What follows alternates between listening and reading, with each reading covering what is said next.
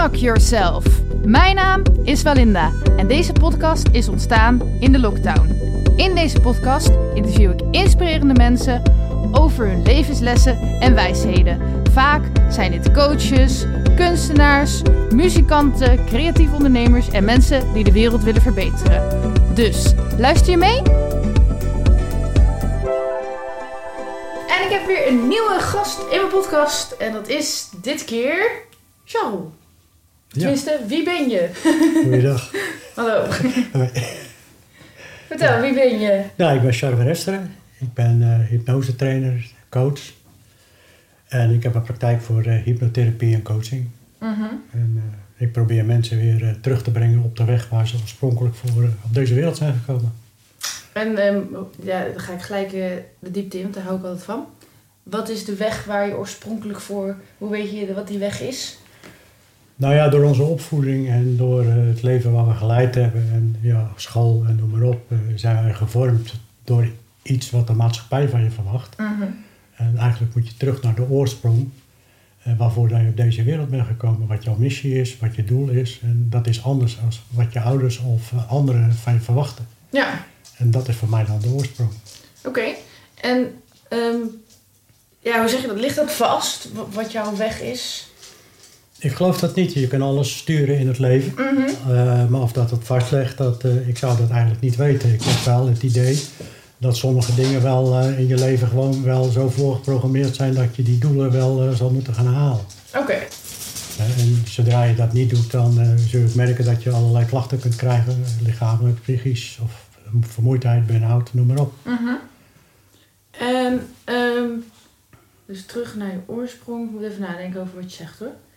Kan het ook zijn dat je gewoon je leven wandelt, in de maatschappij terechtkomt en eigenlijk gelijk al doet waarvoor je bedoeld bent. Zou dat ook nog kunnen? Of dat moet het altijd ook. met heel veel struggelingen en tegenslagen? Ja. Nou ja, dat gebeurt ook. Dat mensen gewoon gelijk van hun geboorte af... Uh, hangt ook een beetje vanaf hoe sturend dat uh, je omgeving is. Ja. Uh, maar dat die inderdaad wel gelijk naar hun doelen gaan en hun missie. Ja, maar ook bijvoorbeeld even, misschien is het wel de bedoeling dat je bakker wordt of zo. Ja. En is je vader ook bakker. En nou ja, dan is het allemaal lekker makkelijk. Ja. Toch? Dat, dat kan. Ja. En wat is nou jouw missie op deze aarde? Is dat dus wat je zegt, mensen terugbrengen in hun. Ja, nou ja, veel meer. Wat, wat is voor jou je missie? Ja, ik heb altijd, uh, tenminste de laatste twintig jaar, ben ik heel erg bezig geweest met, uh, met mezelf ook. Van joh, wat is mijn doel, wat is mijn missie? En het is anders dan dat ik uh, die jaren, die 40 jaar ervoor gedaan heb. Mm -hmm. En uh, toen ben ik er pas achter gekomen wat mijn missie is. Dus mijn doel is eigenlijk om te kijken van joh, hoe kan ik andere mensen helpen op een snellere manier dat te bereiken dan dat ik het gedaan heb. Ja. Uh, want iedere keer dat, uh, kom je mensen tegen die wat slimmer en wijzer zijn. En ik wil niet zeggen dat ik dat ben, maar ik, heb het ook veel van anderen geleerd. Mm -hmm. Nou, en, en zodoende kun jij je doelen weer helder krijgen. Ja. Soms is het heel simpel, alleen we maken het moeilijk. Ja. En, en waarom maken we het moeilijk? Of hoe maken we het moeilijk? Ja, omdat we op een of andere manier niet accepteren dat iets uh, heel snel kan gaan en heel makkelijk kan zijn. We zijn gewend in het leven overal voor te moeten vechten, te moeten worstelen. Mm -hmm. En uh, ja, ik ben eigenlijk van mening dat uh, hoe snel dat je aan iets komt, bijvoorbeeld een trauma, zo snel kan je er eigenlijk ook wel vanaf. Maar we moeten wel gewoon accepteren. Mm -hmm. Oké, okay. dus je kan eigenlijk binnen een paar seconden van je trauma af, zeg je? Als, het, als je de oorzaak weet en je weet waarom dat je dat doet, dan zou dat kunnen, ja. ja. Alleen wij accepteren dat niet. We moeten het altijd allemaal heel ingewikkeld doen en heel moeilijk doen. Ja, maar goed, als je iets, een bepaald gedrag al heel lang doet, dan is het ook vrij moeilijk om dat helemaal anders te doen. Ja. Toch? Ja, een gedrag wat, uh, wat je eventueel hebt, bijvoorbeeld, uh, ja, je bent gewend in allerlei ellende te zitten heel je leven. Dat, dat brengt ook wat op dat moment. Je leert er ook heel veel van. Mm -hmm. En uh, ook dat is goed. Maar op een gegeven moment mag je daar wel vanaf natuurlijk. Mm -hmm. Alleen dat brengt je veel, maar oude gewoontes zijn wel lekker. Het, het, is wel fijn om een oude gewoonte te kunnen houden, want het is gewoon vertrouwd. Ja. En een nieuw leven beginnen, ja, dat is ook leuk natuurlijk, maar toch dat oude, dat, daar hang je ook een beetje aan vast. Mm -hmm. um, ik heb in mijn leven best veel gewoontes veranderd. Maar merk ook dat ik, ja, hoe zeg je dat? Ik ben nog steeds geen perfect mens, zeg maar. Heel Nee. Nee. nee, maar ik zit een beetje van... ehm, ik, ik weet van mezelf, ik kan elke dag gaan sporten. Ik kan eh, gezond eten. Ik eh, ben gezond met roken. Maar op een gegeven moment is er ook een soort van limiet qua tijd van wat je kan ehm, bereiken of zo. Nou, ik zeg niet dat ik nou het, altijd het uiterste uit mezelf heb gehaald. Wat is nou mijn vraag? Ehm, ja, moet je wel alles willen veranderen? Wa- wanneer is het goed genoeg, zeg maar? Ja, nou, ik heb niet het idee dat je er achteraan moet jagen, maar gewoon Mhm. moet kijken, joh, wat ben ik met deze dag, wat ben ik tot leven, wat kan ik vandaag weer leren? Is het positief en voelt dat goed, dan moet je dat veranderen. Ja? Of dan moet je dat willen veranderen, zo ja, is het dan ja, eigenlijk. ja. Ja, en dat is eigenlijk mijn, ja, mijn levensopvatting da- daarover. Ja, dus niet een zo perfect mogelijk mens zijn, maar gewoon kijken van ik wil nu eens met dit doel bezig en nu eens met dat. Nee. Kijk, er zijn bijvoorbeeld mensen in mijn leven geweest die Mhm. zeggen, nou, je moet veel meer mediteren. Nou, dat is heel fijn. Alleen als ik ga mediteren, dan val ik in slaap of ik ben met mijn gedachten heel ergens anders. Dus voor mij werkt mediteren niet. Mhm. Maar er zijn heel veel mensen die zeggen, ja, het werkt bij mij wel goed. Nou, dat is fijn. Het Mhm. hoeft voor mij niet te werken. Nee, En dat is eigenlijk de oorsprong die ik bedoel. Je moet kijken wat voor jou werkt en wat voor jou goed is. ja. Maar wij spiegelen ons aan de samenleving en kijken, hé, die doet dit goed, die doet dat goed. Eh, maar jij doet het ook goed, alleen je moet het op een andere manier doen, op jouw manier. Ja, ik merkte ook dat ik op een gegeven moment dus heel veel podcasts luisterde van... eh, die gaat weer in een koude douche en die doet de yoga-rituelen in de ochtend. En op een gegeven moment dacht ik van... Ja, nou dan moet je ochtend dus gewoon vier uur lang zijn, zeg maar... eh, moet je allerlei rituelen doen Ja, voordat je daar bent, zeg Ja. maar. En nu kreeg ik op een gegeven moment gewoon stress van alles wat ik wel niet van mezelf zou moeten. Ja, dat is dus juist niet de bedoeling. En de bedoeling is dat het je verder helpt. Ja. Ja. ja dat klopt. En, en dat is je eigen pad, hè, waar ik eigenlijk eh, Ja. een beetje eh, op eh, doel. Dat, dat, ja, dat is mijn idee ervan. Maar het is mijn idee, hè. het hoeft niet andermans idee te zijn. Ja. Maar, maar soms denk ik dan ook, misschien kan je nou juist be- wel beter eventjes helemaal geen rituelen hebben en gewoon zorgen dat je je gewone leven normaal leeft, zeg maar. ja. Dat brengt soms meer balans dan al die Ja. gekke dingen doen. Je had het over van, ja, nou ja, goed, je, hebt, je hebt ook heel veel gedaan. Mhm. Maar ja, ik, ik ben nog steeds niet perfect. Nou, Nee. ja, ik ben een heel stuk ouder als jij. Mhm. Ik ben ook niet perfect. Ik leer Oh, iedere dag ik. er nog bij. Ja. Hè, dus ja, de, je- eh, ik denk dat niemand perfect is. Nee. Eh, mijn gevoel daarover is ook... eh, ja, ons leven is een leerschool. Mhm. En het diploma, ja, dat krijg je waarschijnlijk op je sterfbed. Ja, als het überhaupt beloond wordt. Ja, als je- om een als je beloning diploma gaat. krijgt. zeg maar. Want, want misschien, ja, we denken altijd in doelen bereiken en dingen bereiken en zo. Maar misschien gaat het daar wel helemaal niet om. Misschien gaat het wel over dat je gewoon geniet van Ja. wat je aan het doen bent, zeg maar. Ehm, nou, dan eh, had je mij een hele lijst toegestuurd van alle opleidingen die je hebt Ja. gedaan. En ik dacht, oh, dat is wel leuk, want over heel veel van die dingen heb ik eigenlijk nog nooit gepraat in mijn podcast. Terwijl mijn podcast wel over spiritualiteit gaat. Ja. Dus als eerste een hele open vraag. Vertel iets over Reiki. Eh, ja, Reiki ben ik eigenlijk... eh, eh, in 2001 ben ik daar eigenlijk in terechtgekomen... omdat ik toen de tijd heel erg moe was. Eh, ik had een bedrijf, een scheepvaartbedrijf. Dat ging allemaal niet zo lekker. Ik had allerlei ja, zijn rechtszaken, allerlei dingen. En, ik, ik stond in mijn gelijk en iedereen wist dat, alleen Mhm. ik kreeg het gewoon niet. En omdat mijn bedrijf op dat moment stil lag, ik kon er even niks mee. En toen dacht ik van ja, ik moet toch iets zoeken. Eh, Want wat voor bedrijf had je nou? zei scheepvaartbedrijf. Oh, ja, ja. Ja, binnenvaartbedrijf. En eh, nou goed, en, eh, ik kwam dan bij de huisarts en die zegt van ja, oké, ja, ga naar een psycholoog en dan krijg je antidepressiva. Mhm. Ja, ik ben niet depressief, ik ben moe. Ja. Dus ja, ik kwam daar niet verder. Dus ik kwam bij een psycholoog en ik heb daar enkele sessies gedaan. Op een gegeven moment zegt die psycholoog, ik stop ermee. Want we zijn meer over mij aan het praten dan over u. en dat is niet de bedoeling. En, eh, maar u bent zeer zeker niet depressief. Oké. U bent gewoon moe. Ik zei, ja, dat wist ik al. Dus toen ben ik verder gaan kijken. Dus op een gegeven moment kwam ik bij Reiki terecht. En toen de tijd was Reiki nog niet zo eh, verspreid in Nederland als nu. Mhm. En eh, ja, ik kwam bij een Reiki-master en ja, ik heb dan de eerste graad Reiki gedaan. Ik had eerst een behandeling gekregen, dat, ja, dat beviel heel goed. Ik voelde me heel anders. Dus ik ben verder gegaan in Reiki en toen is bij mij alles een beetje op gang gekomen. En ik ben van Reiki ben ik naar uh, Magnified Healing, ja, ik heb heel veel gedaan erin. Mhm. En eh, steeds meer energetisch gaan werken en ik voelde me er gewoon beter bij. Ja.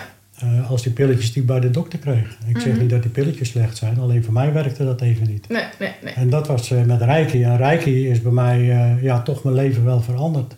Eh, ben ik ook mee verder gegaan. Op een gegeven moment merkte ik ook, je kon ook met afstand werken, maar je merkt ook je omgeving, alles verandert bij jou. Zelfs je dieren die om je heen zijn. Ja, en Reiki heeft voor mij eh, ja, eigenlijk toch wel heel veel gebracht. Ja. En ehm, wat is Reiki? Gewoon even, ik, eh, eh, wat ik ervan weet is, het is een soort energie wat je, ja, waar haal je dat eigenlijk vandaan? Uit de lucht haalt als het ware.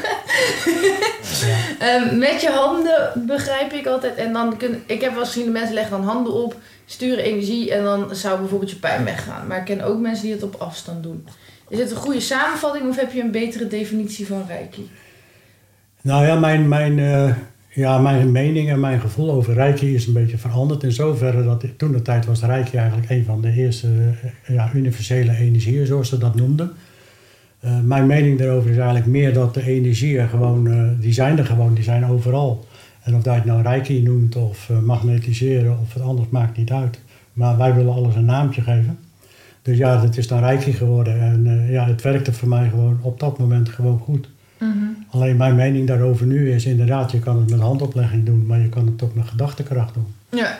En ik heb het ook gemerkt, want ik ben, uh, nadat ik dit allemaal gedaan heb, heb ik ook weer een tijdje weer gevaren. En toen waren de mensen die vroegen om mijn hulp. En uh, ja, toen was ik gewoon in gedachten met die mensen bezig. En uh, oh ja, dat moet ik doen als ik straks tijd heb. En op een gegeven moment kreeg ik gewoon een telefoontje, want toen was er nog geen WhatsApp. Ik kreeg gewoon een telefoontje van, nou bedankt dat je het toch gedaan hebt. Want je had gezegd dat je het later zou doen, maar het is nu weg bijvoorbeeld een hoofdpijn of iets anders. Ik, ik werkte ook met dieren of met mhm. paarden. En dat ze gewoon een seintje gaven van bedankt dat je het gedaan hebt. Maar dat was gewoon dat ik in mijn gedachten bezig was. Oh ja, ik moet het nog doen en uh, mijn energie sturen. En uh, ik voelde ook wel, dit is aan de hand en dat is aan de hand. En als dat weg is, dan is ook die pijn weg. Of die uh, mankement wat ze dan op dat moment hadden. Dus ja, en, en dat is mijn gevoel van Reiki. Ja. maar ja, ik zeg, we hebben het een naamje gegeven. Maar ja, ja Oké, maar jij, weet, jij zegt dus er is eigenlijk geen verschil tussen reiki en magnetiseren. Nou ja, dat is dan mijn mening. Uh, Kijk, reiki natuurlijk op zich, het is, je werkt met symbolen.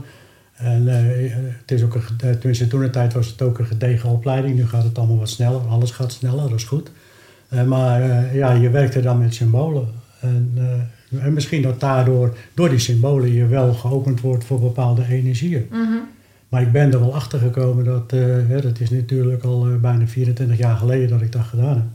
Maar ik ben er wel achter gekomen dat bepaalde dingen die kun je wel leren. Mhm. Maar ik heb nu uh, bepaalde dingen die ik toen altijd geleerd heb, die nu eigenlijk pas naar boven komen bij mij, dat ik er nu wat mee kan doen. Oké, kan je een voorbeeld geven? Ja, ik heb ook heel veel buiten Rijkje natuurlijk shamanisme gedaan. Mm Andere energieën heb ik meegewerkt. En in shamanisme heel veel geleerd. En de laatste periode, vooral het laatste jaar, heb ik gewoon geleerd weer delen van rijke shamanisten, shamanisme samen te voegen naar een bepaalde energie die je gewoon uitstraalt. Mhm. En uh, uit het shamanisme zijn nu weer dingen naar boven gekomen die ik weer gebruik in mijn hypnosepraktijk.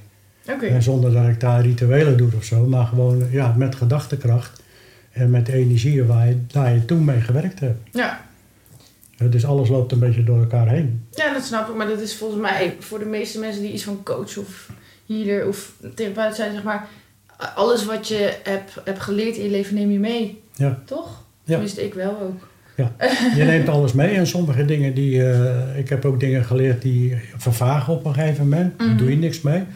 En uh, ja, net wat ik zeg, de laatste tijd komt het allemaal weer boven. Dan denk ik, hé, hey, wacht even, ik, ik moet er wat meer mee doen. Ja. Nou, dat is mijn gevoel dan en uh, ja, dat zet ik dan in. Oké, en, en wat zou je dan meer moeten doen wat je de afgelopen jaren niet deed? Nou ja, de laatste tijd ben ik heel veel bezig geweest met hypnose en, en de opleidingen en ook uh, met de praktijk. En dat gaat gewoon heel goed. En mm -hmm. ik weet, ik werkte ook altijd wel met energieën, gewoon mijn gedachtekracht. Uh, maar ik, ik zet nu die energieën ook wel weer in dat ik denk, hé hey, wacht even, daar is wat. En als die energie toegepast wordt, en ik weet nooit wat ik doe, maar op dat moment denk ik van, hé, hey, wacht even, als die energie nu verandert bij die mensen, en ik laat het wel bij de mensen zelf dat ze willen veranderen. En ik vraag ik ook van, joh, wat zou je nu willen veranderen in het leven? Nou, en daar kun je een bepaalde energie toesturen met je mhm. gedachten. Ja. Dus, en dat is voor mij de verandering. Oké, ik zit nu zelf een beetje... Aan de ene kant vertel me niks nieuws, want ik heb bij jou ook een hypnoseopleiding ja. gedaan. Maar, um, um, ja, oké, de eerste vraag. Heb je altijd controle over je gedachten?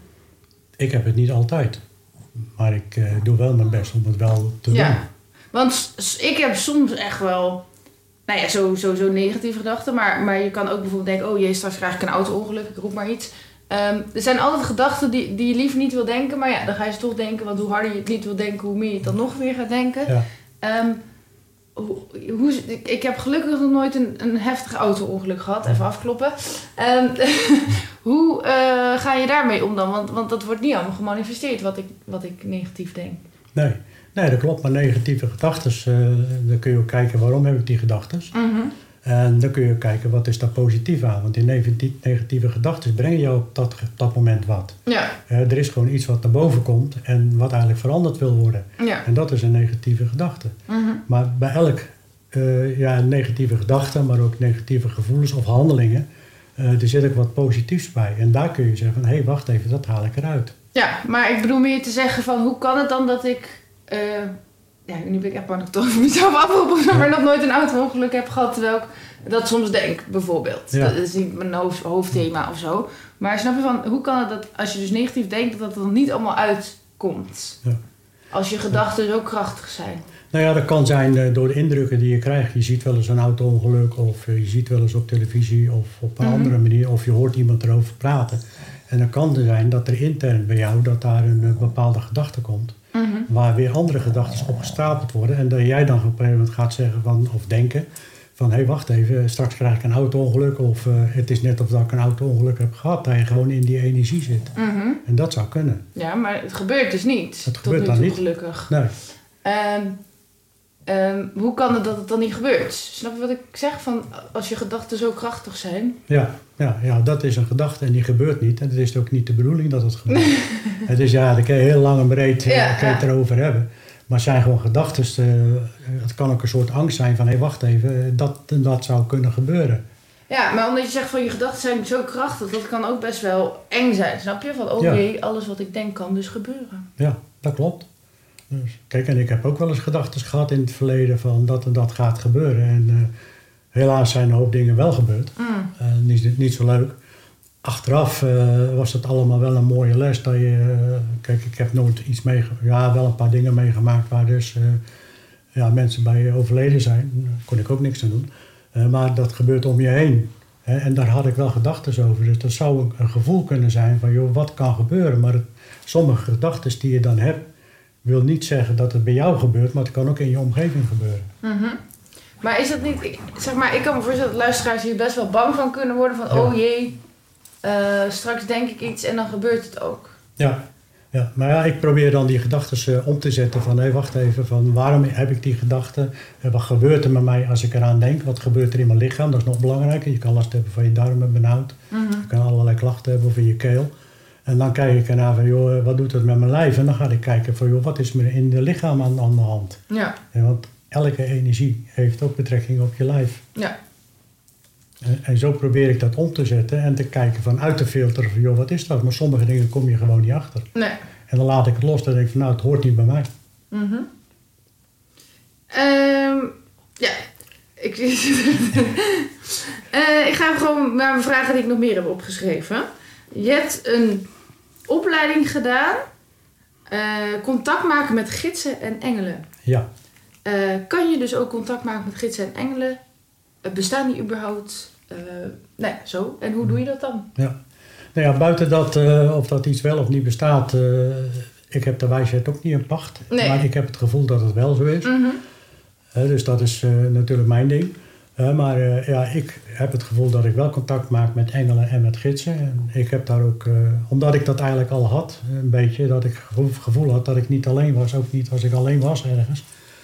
Dus eh, heb ik daar een paar opleidingen voor gedaan. En, om eigenlijk uit te diepen voor mezelf, joh, wat gebeurt er bij mij? In het begin dacht ik van, joh, ik ben de weg kwijt, ik ben gestoord. Mhm. Maar ja, toen kwam eigenlijk naar voren dat alles gewoon wat er gebeurde, ja, dat het een reden had. En eh, dat ik inderdaad het gevoel had niet alleen te zijn. Dus ja, door contact te maken met engelen en gidsen, ja, dan krijg je ook antwoorden. Mhm. Hè, door ook eh, te vragen.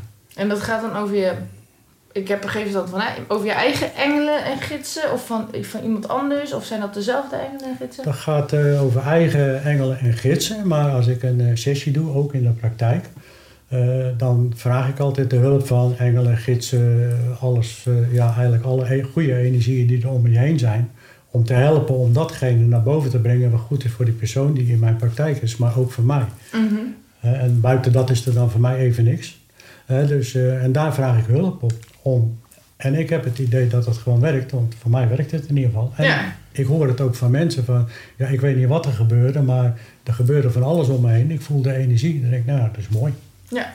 Maar ik ga ook niet uitleggen wat het is, alleen als het vragen. Ja. En dat is mijn gevoel met engelen. En ik heb in het verleden wel gehad dat ik ook engelen zag en gidsen zag. En eh, ja, ik heb dat een beetje losgelaten, want ik hoef niet meer te weten wie of wat het is. Als het antwoord goed is, dan is het voor mij goed. Ja. En wat is dan het verschil tussen een engel en een gids? Een gids is iemand die waarschijnlijk in vorig leven eh, bij je is geweest. Mhm. Dat kan familie zijn, kan iemand zijn waar je mee samengewerkt hebt. En eh, ja, dat zijn eigenlijk de gidsen. En engelen zijn gewoon, ja, die eh, leven als het goed is in de kosmos. En waar precies weet ik ook niet altijd. Maar engelen zijn eh, ja, eigenlijk een soort hiërarchie in, ja, in de kosmos. die ook helpen om de mensen en de aarde weer eh, terug in de goede baan te krijgen. Dus, dus je kan, stel je voor, ik zou, nou ja, maakt niet uit wanneer ik dood ga, maar ik ga dus een keer dood. In principe gaat iedereen een keer dood. Ehm, dan zou het dus kunnen dat ik iemands gids word. Ja. Het wordt nog druk. Ja. En denk je, yes, ben eindelijk klaar, moet je weer iemands gids spelen. Ja. Oké, en maar hoe oud was je, of zeg maar, ne- neem ons mee naar een moment dat je voor het eerst een, een engel of een gids waarnam, zeg maar. Eh, ik was toen heel jong. Mhm. Ik weet niet hoe oud. Ik denk een jaar of vijf. Eh, mijn ouders die hebben altijd gevaren. En ik was op het schip en we hadden een stapelbed. Ik sliep boven. Mijn broer die ouder was, die sliep beneden. En eh, ik zag iedere avond in de hoek van de kamer zag ik eigenlijk iemand staan. En eh, ja, daar was ik een beetje bang van. Dus op een gegeven moment zei ik dat tegen mijn broer. Hij moet je mond houden en slapen. Nou, is goed. Dus, maar op een gegeven moment eh, ja, kwam mijn moeder wel, want het begon er iedere keer wel over. Ga je nou niet eens een keer slapen? Ja, maar er staat iemand. Nee, er staat niks en het is gewoon het gordijn waar je ziet en het licht en noem maar op. Oké. Maar ja, je zat op een schip, dus dat schip dat draaide altijd de D en, en dat, die persoon bleef gewoon staan. Eh, tot ik op een gegeven moment denk van ja, nou dit is vervelend, dit wil ik niet. En dan was het weg. Maar de volgende dag was het er weer als ik naar bed ging. En dat was de eerste keer dat ik dat eh, meemaakte. Maar ik heb dat losgelaten omdat mijn ouders zeiden dat het niet normaal was en dat ik normaal moest doen. En eh, nou, laat maar gaan. Dus ik denk van ja, dat is niet normaal, dus ik heb het losgelaten. Maar ik zag het wel, maar ik, ik gaf er geen aandacht meer aan. Mhm. Een beetje meer gedwongen. En, maar ik had ook het gevoel, als ik met mijn moeder bijvoorbeeld boodschappen deed in het buitenland, dan kwamen we wel eens op plekken waar je nooit geweest was. En mijn moeder moest naar de bakker. zei ik, van, ja, dan moet je daar wezen, die straat, daar is de bakker. Eh, hou je mond, doe normaal. Oké, is goed. Dus op een gegeven moment heb je daar ook niet meer over, maar we kwamen wel daar in die straat bij de bakker terecht. Op een Mhm. gegeven moment, via een omweg. En toen merkte ik gewoon dat er wel meer was. Maar ik heb dat helemaal losgelaten en eh, ook door de opvoeding. En ook, ik heb op mijn internaat gezeten, moest je er helemaal niet over beginnen. En eh, toen had ik het al, het idee ook, ja, het was een christelijk internaat. Ik zei, ja, wat jullie daar vertellen over die Bijbel, eh, ik geloof wel in die Bijbel, daar gaat niet om. Klopt allemaal niet. Ja, dus ik, ik hield me steeds meer vast aan beelden en gevoelens die ik kreeg. Alleen, Mhm. ik liet het wel los. Nou ja, op een gegeven moment ga je verder met je leven, je wordt volwassen en je gaat trouwen en je bent bezig met je business en je zaak. Maar ik had wel bepaalde gevoelens, dat ik Mhm. bepaalde ingevingen kreeg die niet van mij waren. En dat was eigenlijk het gevoel met die engelen en die, en die gidsen. Ja, maar ik liet het wel los dat het dat was. En ik dacht dat iedereen dat wel had. Ja, totdat ik op een gegeven moment, ik was toen 48, eh, ja, dat het allemaal een beetje met mijn bedrijf niet zo goed ging. En ik had een mooi bedrijf opgebouwd, maar dat werd door anderen afgebroken. Mhm. En toen kwam ik eigenlijk toch wel op het gevoel van, eh, ja, ik moet wat in mijn leven veranderen. Hè, want ik had ook een burn-out. En ja, toen eh, kwam alles weer naar boven toe. Dus ik denk, hé, hey, wacht even. Ja, ik had toen die beelden en die gevoelens en dat kwam heel sterk terug. Ja, wat ga ik daarmee doen? En dan kan je zeggen, ja, je bent psychisch gestoord. Ook dat is goed. Maakt mij niet uit. Maar ik had het gevoel wel. En daar ben ik eigenlijk gaan kijken van, joh, wie kan me daarbij helpen? Mhm. En toen kwam ik bij eh, ja, hele leuke mensen terecht die ook eh, niet te zweverig waren. En die mij mee- weer geholpen hebben om alles weer terug te krijgen. En wanneer is iemand volgens jou te zweverig? Want misschien vinden sommige mensen jou nu al zweverig. Ja, dat kan.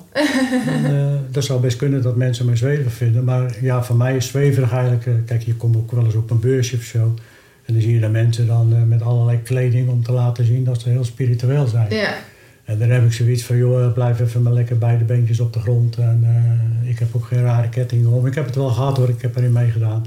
En op een gegeven moment zeg je, joh, die rommel die heb je allemaal niet meer nodig. Nee. En dat was voor mij een beetje het zweverige. Oké. En niet dat ik wil zeggen dat sommige dingen niet helpen, want ik heb ook heel veel met kristallen gewerkt, kristallen schedels. En eh, ja, die, die hebben bepaalde energieën. Eh, kristallen sowieso. Het werd vroeger ook gebruikt in, eh, ja, bij radio-uitzendingen. en in een radio zat een kristal in. Eh, dus daar zijn die kristallen gewoon goed in. In, in het eh, ja, eh, helpen met de energie eh, te brengen op de aarde. Mhm. Eh, dus eh, daar, daar geloof ik wel in. En sommige dingen kunnen ook helpen. Het maakt ook niet uit. Ja. Alleen voor mij te zweverig vind ik gewoon van joh. eh, Kijk, ik voel ook dingen en ik zie ook eh, dingen. Alleen als ik iemand zie en eh, ik heb daar wel eens een gevoel bij, dan zal ik dat nooit zeggen. Maar je hebt van die mensen die moeten laten zien dat ze spiritueel zijn of helderziende. Mhm. En die zeggen, oh je hebt dit of dat of ik zie dat en dat bij jou. En dat vind ik dan een beetje te ver gaan. Ja, dat, Een soort je, dat privacy je, eigenlijk. ja, en ook gewoon van, je hoeft het ook niet de hele dag van de daken te schreeuwen, neem ik aan. Toch? Nee, je bent een mens, je bent hier op Ja. de aarde als mens. Ja. Nou ja, en eh, zo gedraag ik mij ook. Ja. En de rest komt erbij. Mhm. Want ik weet niet eens of het allemaal waar is. Nee. Ik neem het aan. Ehm, hoe maak je dan contact met een engel? En kan ik het bijvoorbeeld ook? Of kunnen de luisteraars het thuis ook? Of kun je, raad je dat juist af? Ja, nee, ja, nee, kijk, je moet wel uitkijken wat je doet. Mhm. Ja, ik bedoel, je hebt positief en negatief. Alles eh, een engel kan, tenminste van mijn gevoel is ook. Ik heb wel meegemaakt dat een engel voor mij heel positief was, waar ik contact mee had. En op een gegeven moment was er iets gebeurd en ik denk, wacht even, ik kreeg verkeerde informatie. En wat blijkt dat die engel ook positief en negatief heeft. Als jij in het negatieve zit, krijg je ook die negatieve informatie. Hm. Ik denk, oh, wacht even. Dus ja, je moet altijd van de positieve uitgaan. En eh, ja, ja, hoe maak je contact? Ik vraag het gewoon en het is er. Oké. Dus, en vroeger wist ik wel, oh, dat is die engel en dat is die engel of die gids. Eh, maar ik heb dat niet meer. Ik heb dat losgelaten. Eh, als ik antwoord krijg, vind ik het goed. En ik heb ook wel eens mensen gehoord die zeiden van... Je kan juist beter op God of... Of het hoeft niet per se God te heten, maar de hoogste liefde. Of de, daar kan je maar beter op afstemmen. Want dan weet je zeker dat je de hoogste hebt. En dan heb je al die losse engelen niet per se... Het kan wel zijn dat je daar ook contact mee krijgt, maar... ehm, ja, hoe zeg je dat? Eh, dan weet je zeker dat je, dat je het goede hebt, zeg maar. Ja, dat heb ik ook wel. Kijk, of dat er een, eh, echt een God als persoon bestaat, weet ik niet.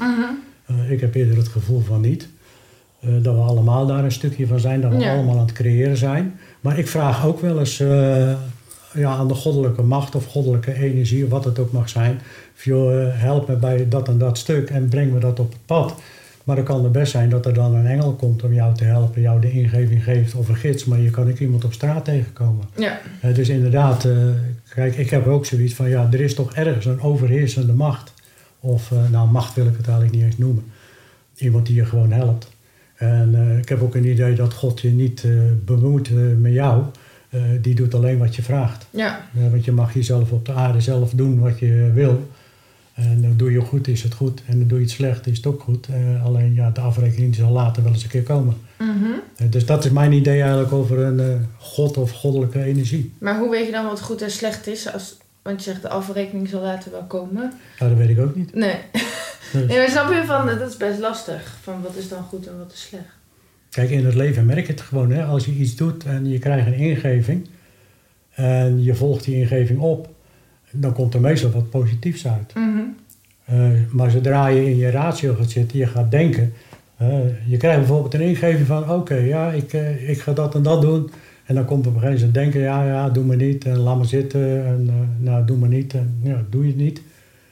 En achteraf blijft van: ja, had ik het nou toch maar wel gedaan. Maar het is ook wel eens andersom. Dat je een ingeving krijgt van: ja, doe het nou niet. Dat is wat ik, wat ik gehad heb met mijn bedrijf. Van joh, doe dat nou even niet. En eh, nou, ik heb het toch gedaan, omdat Mhm. ik eh, zakelijk dacht dat het goed was. Nou, ik ben dus tegen mijn gevoel ingegaan. En dat is dan het moment dat je denkt van wacht even. En de uitwerking was op dat moment negatief van mij. Achteraf niet, want mijn leven is veranderd omdat ik gestopt ben met mijn bedrijf. Ja. Maar ik vind het gevoel ook best lastig. In die zin, ehm ja, hoe zeg je dat? Nou, je hebt dus intuïtie en je hebt gevoel, zeg maar. Maar Ja. sommige mensen zeggen gewoon van, ja, je moet gewoon altijd je gevoel volgen. Maar mijn gevoel is bijvoorbeeld ook dat ik de hele dag snoep zou willen eten. Ik roep maar iets. Ja. Lijkt me niet per se de bedoeling. Ehm, dus, dus, dus wat is gevoel en, en ja, hoe onderscheid je dat van, van intuïtie? En ik heb het niet alleen over snoep, maar er zijn bepaalde dingen van... Je, wil misschien de hele dag een film kijken omdat je het gevoel hebt van... Ja, daar word ik gelukkig van. Ehm, ja, zo. Nou ja, kijk, als jij een gevoel hebt van, eh wat, het voorbeeld wat jij geeft, ik wil een film kijken en je doet dat, kan het best zijn dat er in die film een bepaalde boodschap zit. Maar het kan ook zijn dat er in die film, eh, door te kijken, dat jij je hoofd even leeg hebt. En dat je gewoon al aan wat anders aan denkt. Ja, nee, maar ik zeg daarmee niet dat filmkijken, maar ik bedoel meer van eh, dat, dat, dat binge-watchen, zeg maar.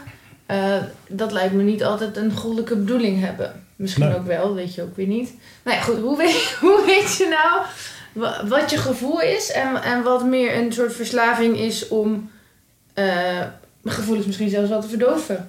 Ja, dat zou kunnen. Dus, eh, maar voor mij is dat niet zo. Voor mij is gewoon als ik op mijn intuïtie en mijn gevoel afgaat, gaat het meestal allemaal wel goed. En zodra ik iets doe vanuit mijn denken, zeg maar, dan, eh, ja, dan komen er allerlei dingen op mijn pad en denk ik van ja, had ik beter niet kunnen doen. Oké, en, en hoe- hoe... Misschien denk, vraag ik nu veel te ingewikkeld. Maar is gevoel dan voor jou in je buik? Of eh, zeg maar, hoe weet je het verschil tussen je gedachten en je gevoel? Eh, dat kan inderdaad in je lichaam zijn. Het kan best wezen dat je een bepaald besluit neemt. Van ik ga dat en dat doen. En dat je in je gevoel, in je hart of je buik of eh, misschien in je ademhaling een bepaalde storing krijgt of een bepaald ritme wat niet lekker is. En dat je dingen toch gaat doen. En dat is voor mij eh, toch een teken van nou ik ga dat eigenlijk wel doen. Maar ja, zou het wel goed wezen? En meestal achteraf is het dan nog niet goed. Ja, En dat is voor mij eigenlijk ook een beetje het gevoel. oké. Eh, maar als je iets in je hoofd zegt van joh, ik ga dat en dat doen en je wordt er blij van, ja, dan is het voor mij een teken dat je goed bezig bent. Oké. En niet alles wat positief is en wat je doet, eh, dat je denkt van nou, op je intuïtie, dat is goed. Brengt je een bepaalde les, wil niet altijd zeggen dat de uitwerking goed is. Nee. Heel ingewikkeld. Ja, ik snap het. maar we wikkelen het uit. Eh, kan je dan ook engelen stemmen zien of horen? Of nee, kan je ze letterlijk zien? Niet meer. Je zei vroeger wel, nu niet meer. Dus Als ik wil, kan ik ze wel zien. Oké. Alleen ik heb eh, eigenlijk geen behoefte meer aan. En ik hoor geen stemmen. Ik krijg af en toe wel beelden. Eh, Als ik iets wil, dan krijg ik wel beelden. krijg ik ook wel eens bij mensen. Dan krijg ik een bepaald beeld bij en dan, ja, dan kan ik daar wat mee doen of niets mee doen. Dat heb ik dan wel, maar ik hoor geen stemmen. Dat, eh, dat heb ik niet. Ik krijg gewoon een ingeving en eh, ja, toch bepaalde dingen die dan voor mij gezegd worden. Ja. Maar het is voor mij een ingeving. Maar er zijn mensen die wel stemmen horen. Ja. Kan. Oké. Ehm, hoe zien engelen eruit? Ja, dat kan voor iedereen verschillend zijn. Voor mij zijn engelen, eh, ze hebben meestal wel een bepaalde kleur. Hè. Er zit verschil in, de- in de energie van engelen.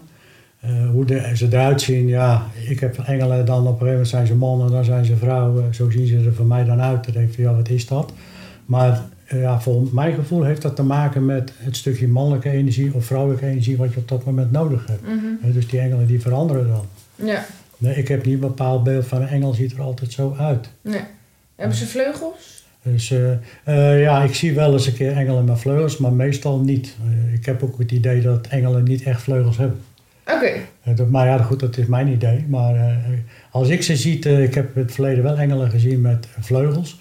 Maar dan had ik, toen was ik net begonnen hiermee, toen had ik ook wel het idee van, joh, dat is iets wat de maatschappij je opdringt van een engel moet vleugels hebben. Maar tegenwoordig zie ik dat niet meer. Ik zie tegenwoordig gewoon een energie, een gedaante. En dan krijg ik wel eens een ingeving van, joh, dat is die of die engel. Ja, prima dan. En ik laat ook los of dat, dat waar is, maar dan denk ik van, joh, die ingeving is goed en eh, nou bedankt. Mhm. Oké. En heb je dan, weet je dan ook precies van eh, engel die doet dit en engel die doet dat? Of... Ja, dat is, het is, eh, ja, er is een heel, eh, bijvoorbeeld eh aartsengel Gabriel, hè, die brengt het licht, zeggen ze dan. Eh, die helpt je bij je ontwikkeling. En zo heb je eh Rafael, die doet weer heel veel met genezing. Maar ik heb ook gemerkt dat het gewoon ook allemaal weer door elkaar loopt. Oké. Eh, dus eh, ik weet wel dat voor mij is eigenlijk aartsengel Michael heel belangrijk geweest. En daar, daar hou ik mij ook wel een beetje aan vast. Die, eh, ja, die, eh, ja, die zorgt er ook voor gerechtigheid en andere zaken. En die is voor mij altijd heel belangrijk geweest. Maar ik weet niet waarom. Ik heb het ook niet gevraagd. Oké. En ja, is, misschien is als het allemaal uit één bron komt als het ware, dan is het meer gewoon dat dat beeld of dat soort energie op dat moment het meeste helpt, toch? Ja, ik heb, dat klopt. Ik heb het idee dat eh, alles wat je ziet en voelt, wordt op jouw manier, zoals het voor jou goed is, wordt dat eh, naar voren gebracht. Dus jij Ja. ziet die beelden die voor jou goed zijn. Dus die kan voor een ander kan die heel anders zijn. Ja. En eh, ik kan me voorstellen dat er misschien mensen luisteren en die denken, ja, allemaal leuk en aardig, maar ik heb nog nooit een engel gezien, gehoord. Ehm, nou, misschien hebben ze het ook nooit geprobeerd. maar ehm, ik, ik geloof ook wel dat er mensen zijn die vragen om, om zoiets te zien en dat niet doorkrijgen. Ja. ehm, waarom ziet de ene wel engelen en de ander niet? Of hoort ze? Of... Ja, ook daar kan ik niet altijd antwoord op geven. Ik heb wel het idee dat, eh, ja, wat er bij mij gebeurt is, ik zag ze vroeger wel toen ik jong was, later is dat weggegaan. Mhm. En dat het door een bepaald idee is, ook in je hoofd met bepaalde gedachten, eh, dat je het niet ziet. En dat het ook te maken heeft met een bepaalde ontwikkeling in je leven. Hoe verder je komt, hoe verder dat je die energie toestaat, ja, hoe meer dat je gaat voelen en zien. Ja. Maar het is wel zo dat voor de ene mens is, een, eh, is voelen goed. En voor de andere mensen is zien goed. Die willen beelden zien. Ja. Ja, en, maar ook, eh, zeg maar, kijk, bij keuzes maken bijvoorbeeld of zo, dan is het handig als je bijvoorbeeld een engel zou zien. Maar als je gewoon aan het schoonmaken bent in je huis, ik roep maar iets. Ja, oké, dan kan je ook hele gesprekken voeren. Maar, maar ik, nou ja, ik merk gewoon steeds, vroeger was ik heel veel met spiritualiteit bezig en de toekomst en wat je allemaal wel en niet. Maar nu denk ik, ben ik eigenlijk steeds meer gewoon in het moment bezig met wat ik op dat moment aan het doen ben. En niet heel erg aan het zoeken naar andere antwoorden of zo. Want dan denk ik van, ja, het is toch gewoon goed waar, waar ik nu ben. Ja. Herken je dat? Of? Ja. Oké. Nou, ik leef tegenwoordig, eh tuurlijk, ik plan wel eh, mijn opleidingen en alles plan ik ook in de toekomst. Logisch, Ja, moet ook. ja. Maar, ja, want eh, anders heb je, je ja. moet wel een beetje voorbereiden als je iets Ja, gaat organiseren. ja, en maar mijn dagelijks leven, ja, dan, eh, dan zie ik wat er op me afkomt. Ja, Kijk, ik weet wel als ik bepaalde dingen wil doen eh, eh, thuis of ergens anders bepaalde dingen wil doen, dan maak ik daar een plan voor voor de volgende dag. Van joh, dat ga ik doen op die en die manier. En soms gaat het heel anders. Nou ja, dan accepteer je dat en dan is het gewoon goed. ja, Ik laat het plan laat ik gewoon los. Eh, maar ik leef inderdaad per dag. En als ik eh, iets wil doen en ik krijg een ingeving van hey, ik ga eerst wat anders doen, ja, doe ik dat eerst. mhm. En dat, dat is mijn manier van leven. ja. Maar dat kan voor iedereen anders zijn. Er zijn mensen die moeten die structuur vasthouden. mhm. Dus, Ja, ja, bij mij is het ook altijd een beetje een gevecht. Want het liefst zou ik helemaal niet plannen. Maar ik heb het wel nodig. ja. Want als ik niet plan, dan vergeet ik echt alles. Ehm, mm, mm, even kijken. Ja, dan heb je ook nog een opleiding gedaan tot reïncarnatietherapeut. Ja. Ehm, geloof je in reïncarnatie? Ja. ja. ja, ik geloof er wel in. Dat eh, Mhm, in het verleden eigenlijk niet zo. mhm, Maar ik heb wel bepaalde dingen gezien en meegemaakt. Ik ben dan, eh, ik was toen een tijd nog, eh, toen net met de spiritualiteit begon, 2000 ben ik ermee begonnen. Door een ervaring die ik gehad heb in Rusland. Wat voor maar- ervaring? Ben ik nu ook heel benieuwd naar. Nou, ik ben daar geweest om een schip te laten bouwen en eh, ik had er tussendoor veel vrije tijd. En ik kwam daar op een gegeven moment, eh, eh, ik had, ja, je moest daar een bewaker en een chauffeur hebben. En ik kwam op een gegeven moment daar buiten de stad. Op een gegeven moment zei, zei ik van, joh, wat een armoede hier. Zei, dat is geen armoede, die mensen leven op een andere manier. Eh, die hebben alles losgelaten, ze hebben ook wel een huis in de stad, maar die gaan steeds meer naar buiten. En die hadden een eigen stuk grond. Eh, die deden alles verbouwen. Die hadden een soort gemeenschap. En er waren meestal zo, zo 50 of 100 huisjes, allemaal houten huisjes. En ja, ik vond het armoede uit. En ja, ga maar een keer mee. Ik zei, heb ik niks aan, want ik spreek geen Russisch. Hij zei, ja, ga maar een keer mee. En die man die sprak wel goed Duits. Eh daar ben ik een keer meegegaan. Die mensen die leefden in zo'n mooie harmonie. Dat was zo mooi. Maar ik zag er ook allerlei dingen gebeuren. Ook, ook de bloemen en de planten, hoe dat, dat eruit zag. Ik denk, hoe kind dit? Mhm. Hoe bestaat dit? Dat had ik wel eens een keer in een droom gezien. eh, Maar ik denk ja, dit is bijzonder. Ik heb dat losgelaten. Eh, later ben ik nog wel een keertje terug geweest. En eh, ja, toen, toen zag ik dat die mensen, eh, de manier van leven gewoon heel anders was. Mensen waren helemaal blij en ze hadden geen tv meer, helemaal niks meer daar. Ja, en ze leefden gewoon van die natuur. En ze deden alles samen. En ik denk, dit is mooi. Want ja, wij zijn toch gewend om voor je eigen te zorgen. Ja, individualistische Ja. maatschappij. Maar ik heb dat losgelaten, maar er kwam wel dat later, een jaar later, kwam alles weer los bij mij. En toen kwam die gedachte van Rusland weer boven. Ik denk van, ja, wacht even, dit is een hele andere manier van leven. Die mensen die zijn zo relaxed en ze hebben alles. En wat ze niet hebben, ruilen ze met de buurman. Eh, Ze helpen elkaar. En ik denk van, ja, dit is eigenlijk veel mooier. Mhm. Dat was eigenlijk ook mede een, een opstap van, joh, eigenlijk moeten we naar een andere samenleving. Ja. En, dus, en daar is bij mij een hoop gebeurd. Maar ik heb, het wel, ik heb ook dingen gezien dat ik eh, toen weer... eh, ja, ik dacht dat het schimmen wa- waren of geesten of weet ik veel wat. En dat zag ik daar, omdat die energie heel anders was daar in die dorpjes. Eh, maar ik heb dat wel losgelaten, dan zat ik nou heel erg in mijn ratio. denk van, joh, het, het zal wel en eh, het is wel goed. Mhm. Maar ik heb het wel losgelaten. Maar kwam een jaar later kwam het gewoon weer allemaal weer naar boven toe. Toen ik met die spiritualiteit begon, dacht ik, hé, wacht even, zo raar was dat allemaal niet. Nee. Dus en dat was mijn verandering eigenlijk in mijn leven. Ja. Eh, Dus je wordt eigenlijk al voorbereid zonder dat je het weet. Oké, en toen eh, ging je dus reïncarnatietherapie doen? Ging ik reïncarnatietherapie doen. En uh, tenminste, ja, ik, ik heb voor mijn eigen eerst een uh, regressie gedaan bij iemand. Maar die deed ook een reïncarnatie, waardoor ik ook mijn gids zag eigenlijk. De eerste keer. Heb je een naam voor de gids dan? Ja, ik heb al een naam. Wil je die vertellen? Ja, dat is, voor mij is dat Bardes, heet hij. Oké. En, en het was iemand die ik eigenlijk in mijn, in mijn jeugd zag ja, in mijn slaapkamer tegen de gordijnen aan. Dus dat was die persoon dus, uh, maar dat kwam eigenlijk weer naar boven toe. En, maar ik was er van mijn kind, al, kind zijn alweer vergeten. En toen kwam dat weer naar boven toe. En dacht ik, hé, hey, wacht even. Dat, die heb ik al gezien. Uh, en die beelden heb ik altijd al gehad, zoals die er ook uitzag. Dan denk ik, oké. En toen heb ik contact met mijn gids gekregen. En die heeft ook zelf gezegd dat die Bardes heet. Ja. Wat een bijzondere naam. Ja, ja. ja. En uh, nou ja, goed. En ja, toen kwam ik naar boven dat ik daar bepaalde levens mee gehad heb. ook in Engeland en eh, heel lang geleden kregen we er ook data's bij. dat zal wel.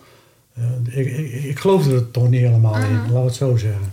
Tot op een gegeven moment iets gebeurde in mijn gedachten en ik zag dat ik uh, vermoord werd. En dat was in Frankrijk en ik zag ook dat ik begraven werd en waar en hoe. En, nou, het zal wel. Maar ja, dan ben ik zo eigenwijs te denken van nou, ik geloof daar niet in. Ik ben naar uh, Nancy gereden in Frankrijk en naar die begraafplaats gegaan. En inderdaad, op die grafsteen stond precies wat ik uh, gezien had. Ja. En het zag er ook uit, uh, ja, die beelden. Ik denk, nou, en ik was nog nooit in Nancy geweest. Wow, ik heb wel eens, er was vroeger zo'n tv-programma waarin je dat ook zag. Dan gingen ze inderdaad reïncarnatietherapie doen en dan gingen ze uiteindelijk die plekken weer bezoeken. En mensen herkenden het dus inderdaad ook. Ja. ja. En daar had ik nog wel iets van, uh, ja, oké, het, zal wel, het zal wel inbeelding zijn. Maar goed, ja, dit was wel een feit. Ja, en, jij was daar nog nooit geweest en je, je ziet ja. hoe het eruit ziet. Wow, zo, vet bijzonder. Ja, en zo heb ik heel veel uh, dingen op een gegeven moment gezien. Uh, ook gevoeld eigenlijk dat je gewoon ergens in een stad bent, een oude stad, en je loopt daar rond en je gewoon de weg weet terwijl je er nooit geweest bent. Mm -hmm. Wel heel bijzonder. Ja. Uh, dat je dan met bepaalde mensen, zoals mijn, mijn uh, vrouw, mijn huidige vrouw, dat je dan in een bepaalde stad komt, dat je zegt van joh, dat en dat zit zo en zo in elkaar. oh, ben je hier al geweest? Dus, nou, ik ben er niet geweest, maar ja, zo is het gewoon. Nou, blijkt ook zo te zijn. Oké. Okay. Dus dan denk ik van ja, het zal wel waar wezen. Ja. Nou, of ik heb een grote verbeelding, dat kan ook. Ja. Maar dan is het wel knap dat je het herkent, zeg ja, maar. Ja, en toen ben ik uh, steeds meer daarin gaan doen. Uh, ik ga niet gauw met mensen uh, reïntegratie in te, of weet het, reïntegratietherapie doen. bijna hetzelfde. Ja, ja. bijna hetzelfde. Maar ja, als je regressie doet, hè, wat ik meestal wel doe bij mensen, ja. dan kijken van joh, wat zit jou in de weg om je mooie doel te bereiken, die je wil bereiken in het leven. En je komt daar terecht, nou, dan is het goed. Maar ik ga het er nooit op aansturen. Nee. Ja, omdat ik gewoon ja, ook met therapieën, dan moet je gewoon kijken wat voor de mensen goed is en niet wat ik wil. Nee. En, ja, dus, en je hoeft niet altijd naar je oude ja. leven terug te Maar er komen bij die mensen ook uh, heel veel dingen naar boven, ook uit vorige levens. En laat ik nog los of dat het wel of niet waar is. Mm -hmm. Maar in ieder geval dan uh, merk je wel ja, dat het voor die mensen een hoop doet. Dus ja, er zal wel iets van waar zijn. Ja.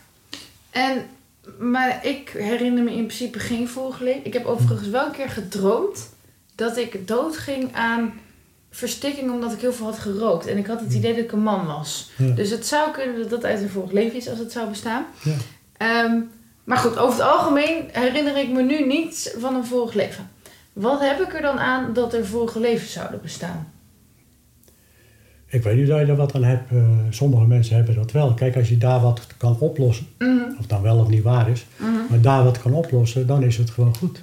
Ja. Maar daarom ben ik er ook niet voor. Er zijn mensen die zeggen van nou, ik wil weten wat ik in een vorig leven gedaan heb en ik ga dat avonturen. Ja, dan weet ik niet of dat je in een fantasiewereld terechtkomt of dat het waar is. Mm -hmm. uh, dus dat doe ik niet. He, maar ja, als, en je hebt uiteindelijk toch vooral met dit leven te dealen, zeg maar. Dus je kan wel de hele tijd gaan vluchten in andere levens. Maar... Ja, daarom. En, uh, dus uh, je bent in het hier en nu, en Ja. op deze aarde. En daar ga ik vanuit. Maar stel je voor dat je daarin terechtkomt en je kan daar wat oplossen. Ja, dan moet je het gewoon doen. Kijk, ik heb wel gehad als kind zijnde ook weer, toen, uh, ja, toen ik ook die gidsen zag in die slaapkamer. Ik heb altijd een droom gehad dat ik op een berg was. Ik was helemaal in het oranje gekleed. En uh, ze hadden mij gewaarschuwd uh, van joh, ga nou niet naar die berg. want die berg die gaat dadelijk uitbarsten. En er was een vulkaan en doe het nou niet. Ik zei nou, God beschermt me wel. Dus ik ben die berg opgegaan. Op een gegeven moment is dat geëxplodeerd en ik ben naar beneden gerend. Dat beeld heb ik dan. En ik ben door lava ben ik ingehaald en ja, ik was dood. En ik, oké, hebben we ook weer. Ik was er vrij nuchter onder, Mm -hmm. maar ik had die droom wel bijna iedere nacht. Totdat ik op een gegeven moment een uh, therapie eigenlijk erachter kwam. de reïncarnatie. eh, dat ik eh, ja, daar in de boeddhistische wereld, ik weet niet precies waar, geleefd heb, wel als boeddhistische monnik. En dat ik eigenwijs was dat ik toch de berg op ging, ondanks dat hij aan het rommelen was. En ondanks dat ik gewaarschuwd was. Mm. Nou, en uh, dan kan je erin geloven of niet, maar mijn droom was wel over. Ik heb het nooit meer gehad. Hm. Dus ik weet wel dat er is, maar ik heb het nooit meer gehad. Dus je bent een monnik geweest. Ja, Leuk. dat denk ik. En, ehm, maar maar ehm, als wij nu dus zouden overlijden, dan komen we dus gewoon weer in een nieuw leven terecht. Is hoe jij het dan gelooft. Of... Ja, ik geloof wel dat er eh, soms langer, soms korter, dat er Mhm. wel een tussenfase is. Ja. Maar ik geloof wel dat je regelmatig dan eh, terug blijft komen. Oké, en dus oké, stel je voor, ehm, nou laten we het toch even bij jou houden dat, dat jij iets ouder bent. Jij zou straks doodgaan. Ja. Ehm, waar kom je dan terecht? Hoe ziet dat eruit? Ik zou het niet weten. Ik weet wel dat het is gewoon een etherisch veld voor mij. Ik heb wat dingen daarvan gezien. Een Mhm. etherisch veld waar je bent. En er zijn ook verschillende lagen in dan. En eh, dat je iedere keer dan wel een laagje verder komt, dan wel. Eh, maar alles is wel één. Dat is gewoon een eenheid. En daar ben je gewoon. En ik heb wel eens een keer beelden gezien dat er ook energetisch gewoon een soortement gebouwen of huisjes zijn. En de andere keer denk je, oké, het is er niet. Het is gewoon, ja, er is gewoon een energieveld, daar leef je. Mhm. En je kan wel snel wisselen tussen allerlei planeten, de aarde en noem maar op. En Dat, dat gevoel heb ik wel. Mhm. Ja, maar dat je daar een soort rustperiode hebt en dan op een gegeven moment ja, al die lessen die je geleerd hebt op aarde en dat je dat weer integreert en alles weer duidelijk hebt en dan ga je weer terug naar de aarde en dan weet je weer niks. Ja. Dus, maar je wordt iedere keer kom je wel wijzer terug. Dat gevoel heb ik wel. Oké, en is het dan ook een keer klaar, zeg maar? Of blijf je gewoon heel erg doorgaan? Nee, ik heb wel het gevoel dat je op een gegeven moment, eh, als je al die lessen geleerd hebt, dat je. Ik weet van de laatste keer dat ik eigenlijk niet zozeer terug hoefde, maar dat ik me eigen opgeworpen heb. Dat ik gezegd van nou, ik wil een bepaald ding op die aarde oplossen. En dat is inderdaad eh, met het helpen mensen weer terug te brengen naar de oorsprong. Hè, naar de basis, waarom ben ik hier? Mhm. Dat was ook een les voor mij eigenlijk. En dat ik het idee heb dat ik daarvoor weer teruggegaan ben. Hè. Ik geloof wel in een zielengroep, hè, dat je opgesplitst bent in meerdere zielen. Terwijl je één bent, maar je bent opgesplitst. En dat ik gezegd van nou oké, eh, nou eh, ik ga het wel doen. Ja. Ik kan wel zeggen dat ik er af en toe spijt van heb, maar ja, waarom heb je er spijt van? nou ja, af en toe, eh, ja, sommige dingen gaan gewoon niet eh, even lekker natuurlijk. Je maakt ook met negatieve dingen mee. Mhm. Uh, maar goed, dat heb ik wel omgezet dat ik zeg van oké, negatief is er eigenlijk niet. Het is een les, wat kan ik hieruit leren? Uit wat er gebeurd is. Wat kan ik daar in de toekomst wat mee doen? Ja. Dus zo ben ik wel veranderd, ja. En stel nou dat jij, um, ja, hoe zeg je dat, een soort van je levensmissie niet zou vervullen. Dus dat je gewoon zegt, nou ik ben helemaal klaar met die spiritualiteit. Ik word vuilnisman. Hm. En uh, dat maakt, met vuilnisman is niks mis. Maar gewoon dat je er niks meer mee zou doen, zeg maar. Is dat dan een erg? Of moet je er iets mee doen? Nee, ik heb niet het gevoel, uh, je moet niks. Ik heb het gevoel, je krijgt gewoon dingen aangeboden die je kunt doen. Uh, doe je dat niet, nou ja, dan ga je weer terug naar de kosmos op een gegeven moment. En dan, ja, dan krijg je weer een keuze om het nog een keer te doen. Ja. Met die wijsheid die je dan hebt, dan kun je het ook makkelijker vervullen. want anders dan zou het heel makkelijk zijn. Zou je in, één in één leven zou je alles kunnen doen. Dat zou wel leuk zijn. -hmm. Maar ik geloof niet dat het dat is. Ik geloof meer dat we... Ja, we hebben de aarde eigenlijk meer de vernieling in geholpen met z'n allen. En dat we nu weer bezig zijn om die aarde weer terug te krijgen in een andere energie. Ja. En dan gaat het niet zozeer om de aarde zelf, want de aarde die redt zichzelf wel. Maar meer om uh, ja, de mensen die er rondlopen, dat we met z'n allen, ik ook, gewoon eens een keer met andere gedachten en andere gevoelens met die aarde om mogen gaan en ook met elkaar. Ja. En dat is mijn uh, gevoel van het leven. Dus dat is de reden dat je iedere keer volgens mij terugkomt. Maar er is dus best wel veel klimaatvervuiling en weet ik veel. Nou ja, er zijn best wel veel negatieve systemen op deze wereld, laten we het zo noemen. Maar tegelijkertijd, ja, ik heb er niet heel veel verstand van en ook niet genoeg in verdiept. Maar um, ik heb gehoord dat ook al zou je um, heel goed willen zijn voor het milieu en alles goed willen doen, alsnog ben je als mens eigenlijk altijd meer aan het vervuilen dan aan het schoonmaken, zeg Ja. maar. Dus, dus je bestaan is gewoon al een en al vervuiling voor de aarde. Um, kunnen we dat dan wel oplossen? Ik denk dat het misschien wel beter zou zijn als, als mensen überhaupt niet zouden bestaan voor de aarde dan, zeg maar, en voor de dieren. En... Ja, dat zou best kunnen. Alleen ik heb het idee, maar dat is weer mijn idee, maar ja, meerdere mensen delen dat wel. Eh, ja, dat we op een gegeven moment die planeet hebben gekregen om hier onze lessen te leren. En die planeet die verandert. Hè. We hebben ook een ijstijd gehad en, en de aarde is al een paar keer, eh, ook door vulkaanuitbarstingen, dat bijna alles uitgestorven is. Eh, dus die wereld die verandert en die verandert nu ook weer. En natuurlijk, wij doen daar een hoop aan, we, verpesten een hoop. Maar buiten dat heeft die aarde ook die cyclus.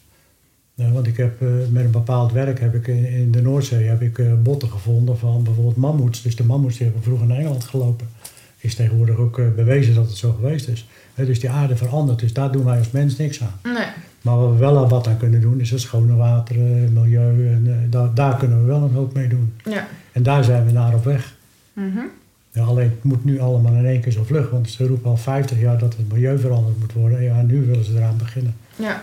Hoewel het wel gebeurd is, want ik, ik weet nog wel, toen ik jong was, uh, mochten wij in rivieren niet zwemmen. En tegenwoordig is het water ook alweer wat schoner en er zijn ook weer een hoop vissen teruggekomen. Dus ja, het, het gaat langzaam wel beter. Oké. Okay. Maar ik geloof niet dat wij alleen daar invloed op hebben. er zijn ook andere dingen. Bij een vulkaanuitbarsting, daar sterft ook een hoop af. De natuur die doet zelf ook een hoop, die heeft ook een cyclus. Ja. Maar uh, denk je dat, dat, we, ja, dat we alles nog om kunnen gooien en de wereld gaan redden? Of hoe, hoe zie je de toekomst voor je? Nou ja, ik denk niet dat wij de aarde hoeven te redden, want dat doet hij zelf wel. Hè. Ja. Die, aarde die zorgt er gewoon voor, als wij ons best niet doen, dat die aarde niet meer leefbaar is. Maar als wij ons best doen, dan kan die aarde best wel weer alles geven wat we nodig hebben. En dat doet de aarde al, alleen wij willen meer hebben dan we nodig hebben. Ja. En dat is duidelijk een beetje. Oké, okay. dus meer willen dan dat je nodig hebt, is eigenlijk niet nodig. Nee.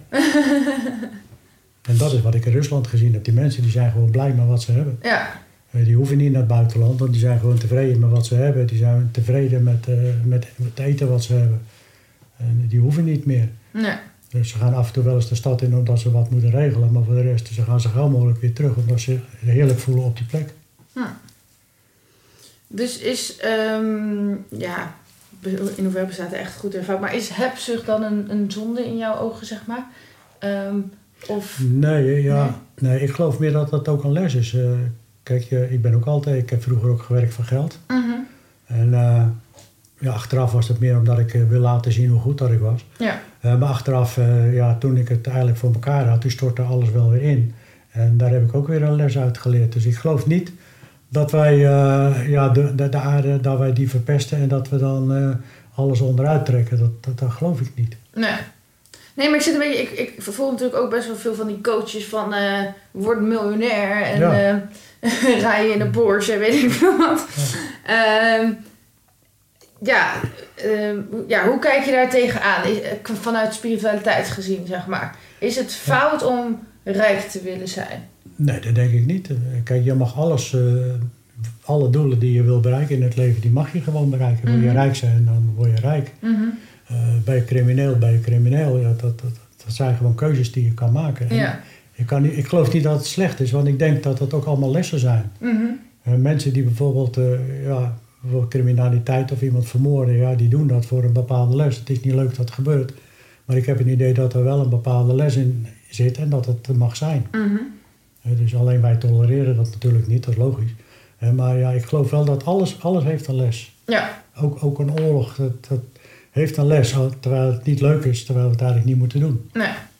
Maar in- als we dus in balans zouden zijn, hebben we niet per se materiële rijkdom nodig, maar meer gewoon genoeg. Nou, dat denk ik. Ja, dat denk ik eigenlijk ook wel. Ehm, en dan zie je ook dat geld uiteindelijk niet echt gelukkig maakt. Tenminste, op bepaalde hoogte natuurlijk wel. Als je niks hebt, dan is het ook vrij lastig. Zeker als je in Nederland woont. Ehm, wat is nou eigenlijk een shamaan? Want je hebt dus ook een opleiding tot shamanisme. Maar wanneer ben je een shamaan? Wat doet een shamaan? Nou, eigenlijk is een sjamaan iemand eh, die wordt erin grootgebracht, eh, die wordt ermee geboren en eh, die krijgt er ook allerlei opleidingen. En dan gebeurt, ik ben in Rusland, heb ik veel geleerd ervan. En ook in Nederland met Russische shamanen, ook wel Nederlandse shamanen. Die worden er eigenlijk in geboren. Ik noem mij geen shamaan, ik heb drie jaar de opleiding gedaan en ik weet wel redelijk wat van shamanisme af. Ik noem mij bewust geen shamaan, omdat ik daar gewoon niet in geboren ben. Voor mij is het gevoel niet goed, Mhm. maar ik beoefen shamanisme. Mhm. En shamanisme is een stuk, eh, die, die bemoeien zich niet met politiek, eh, die bemoeien zich niet met geld of andere zaken, die bemoeien zich gewoon met het leven.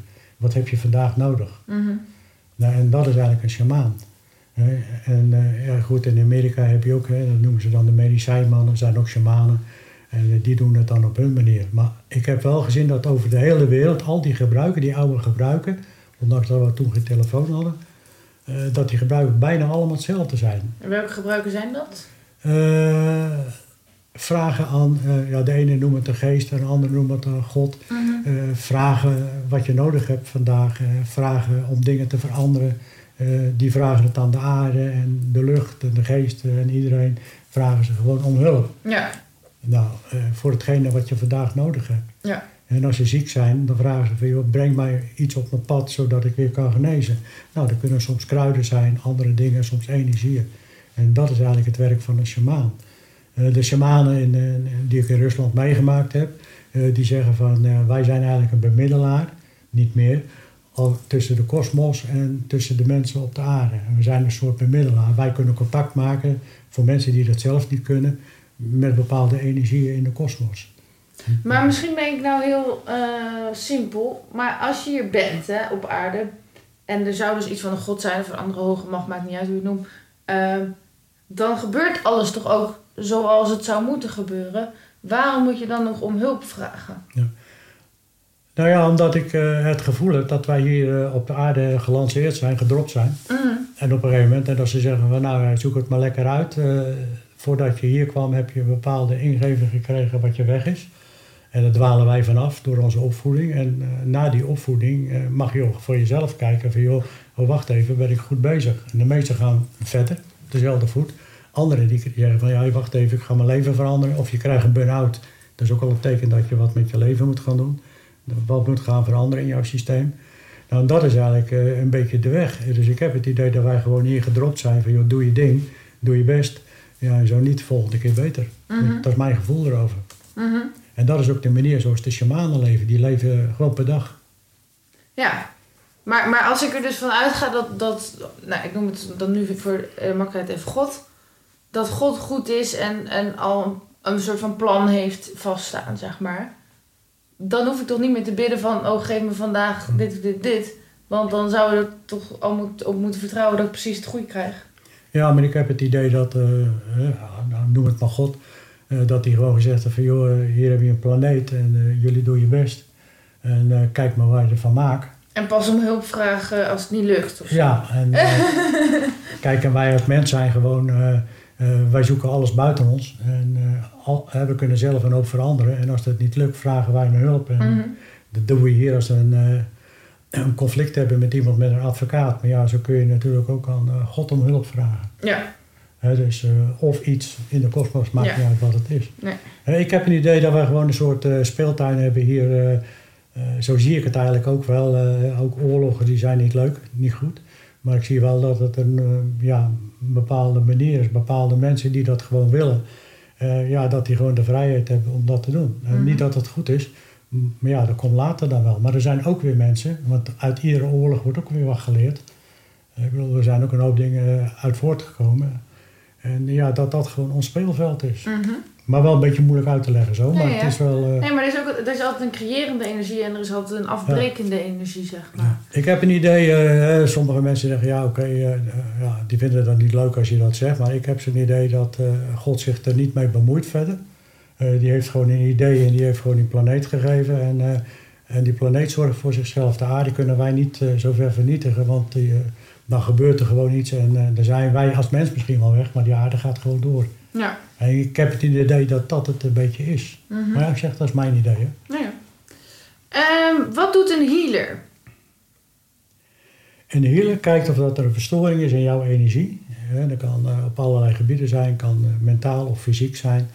En een healer die kan, eh, met behulp ook weer van de kosmos natuurlijk, want eh, een healer kan niks. Je kan alleen iets doorgeven.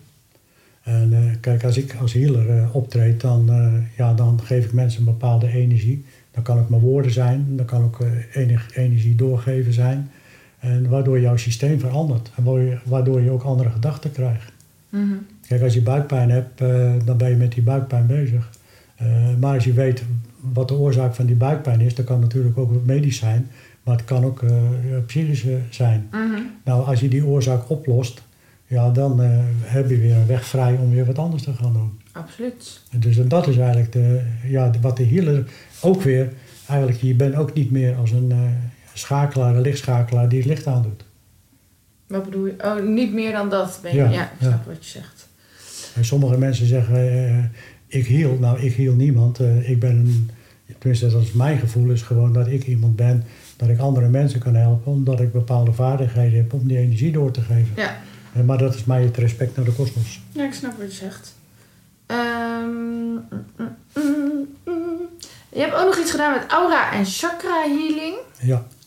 Um, kan je nu, als je mij zo bekijkt, zie je dan uh, al mijn aura's en chakra's? Of hoe uh, werkt dat? Als jij erom vraagt, dan, uh, dan, dan kan ik inderdaad bij iemand de aura's en chakra's kan ik zien. Ja. Of eerder voelen eigenlijk, dan weet ik gewoon wat er is. Ja.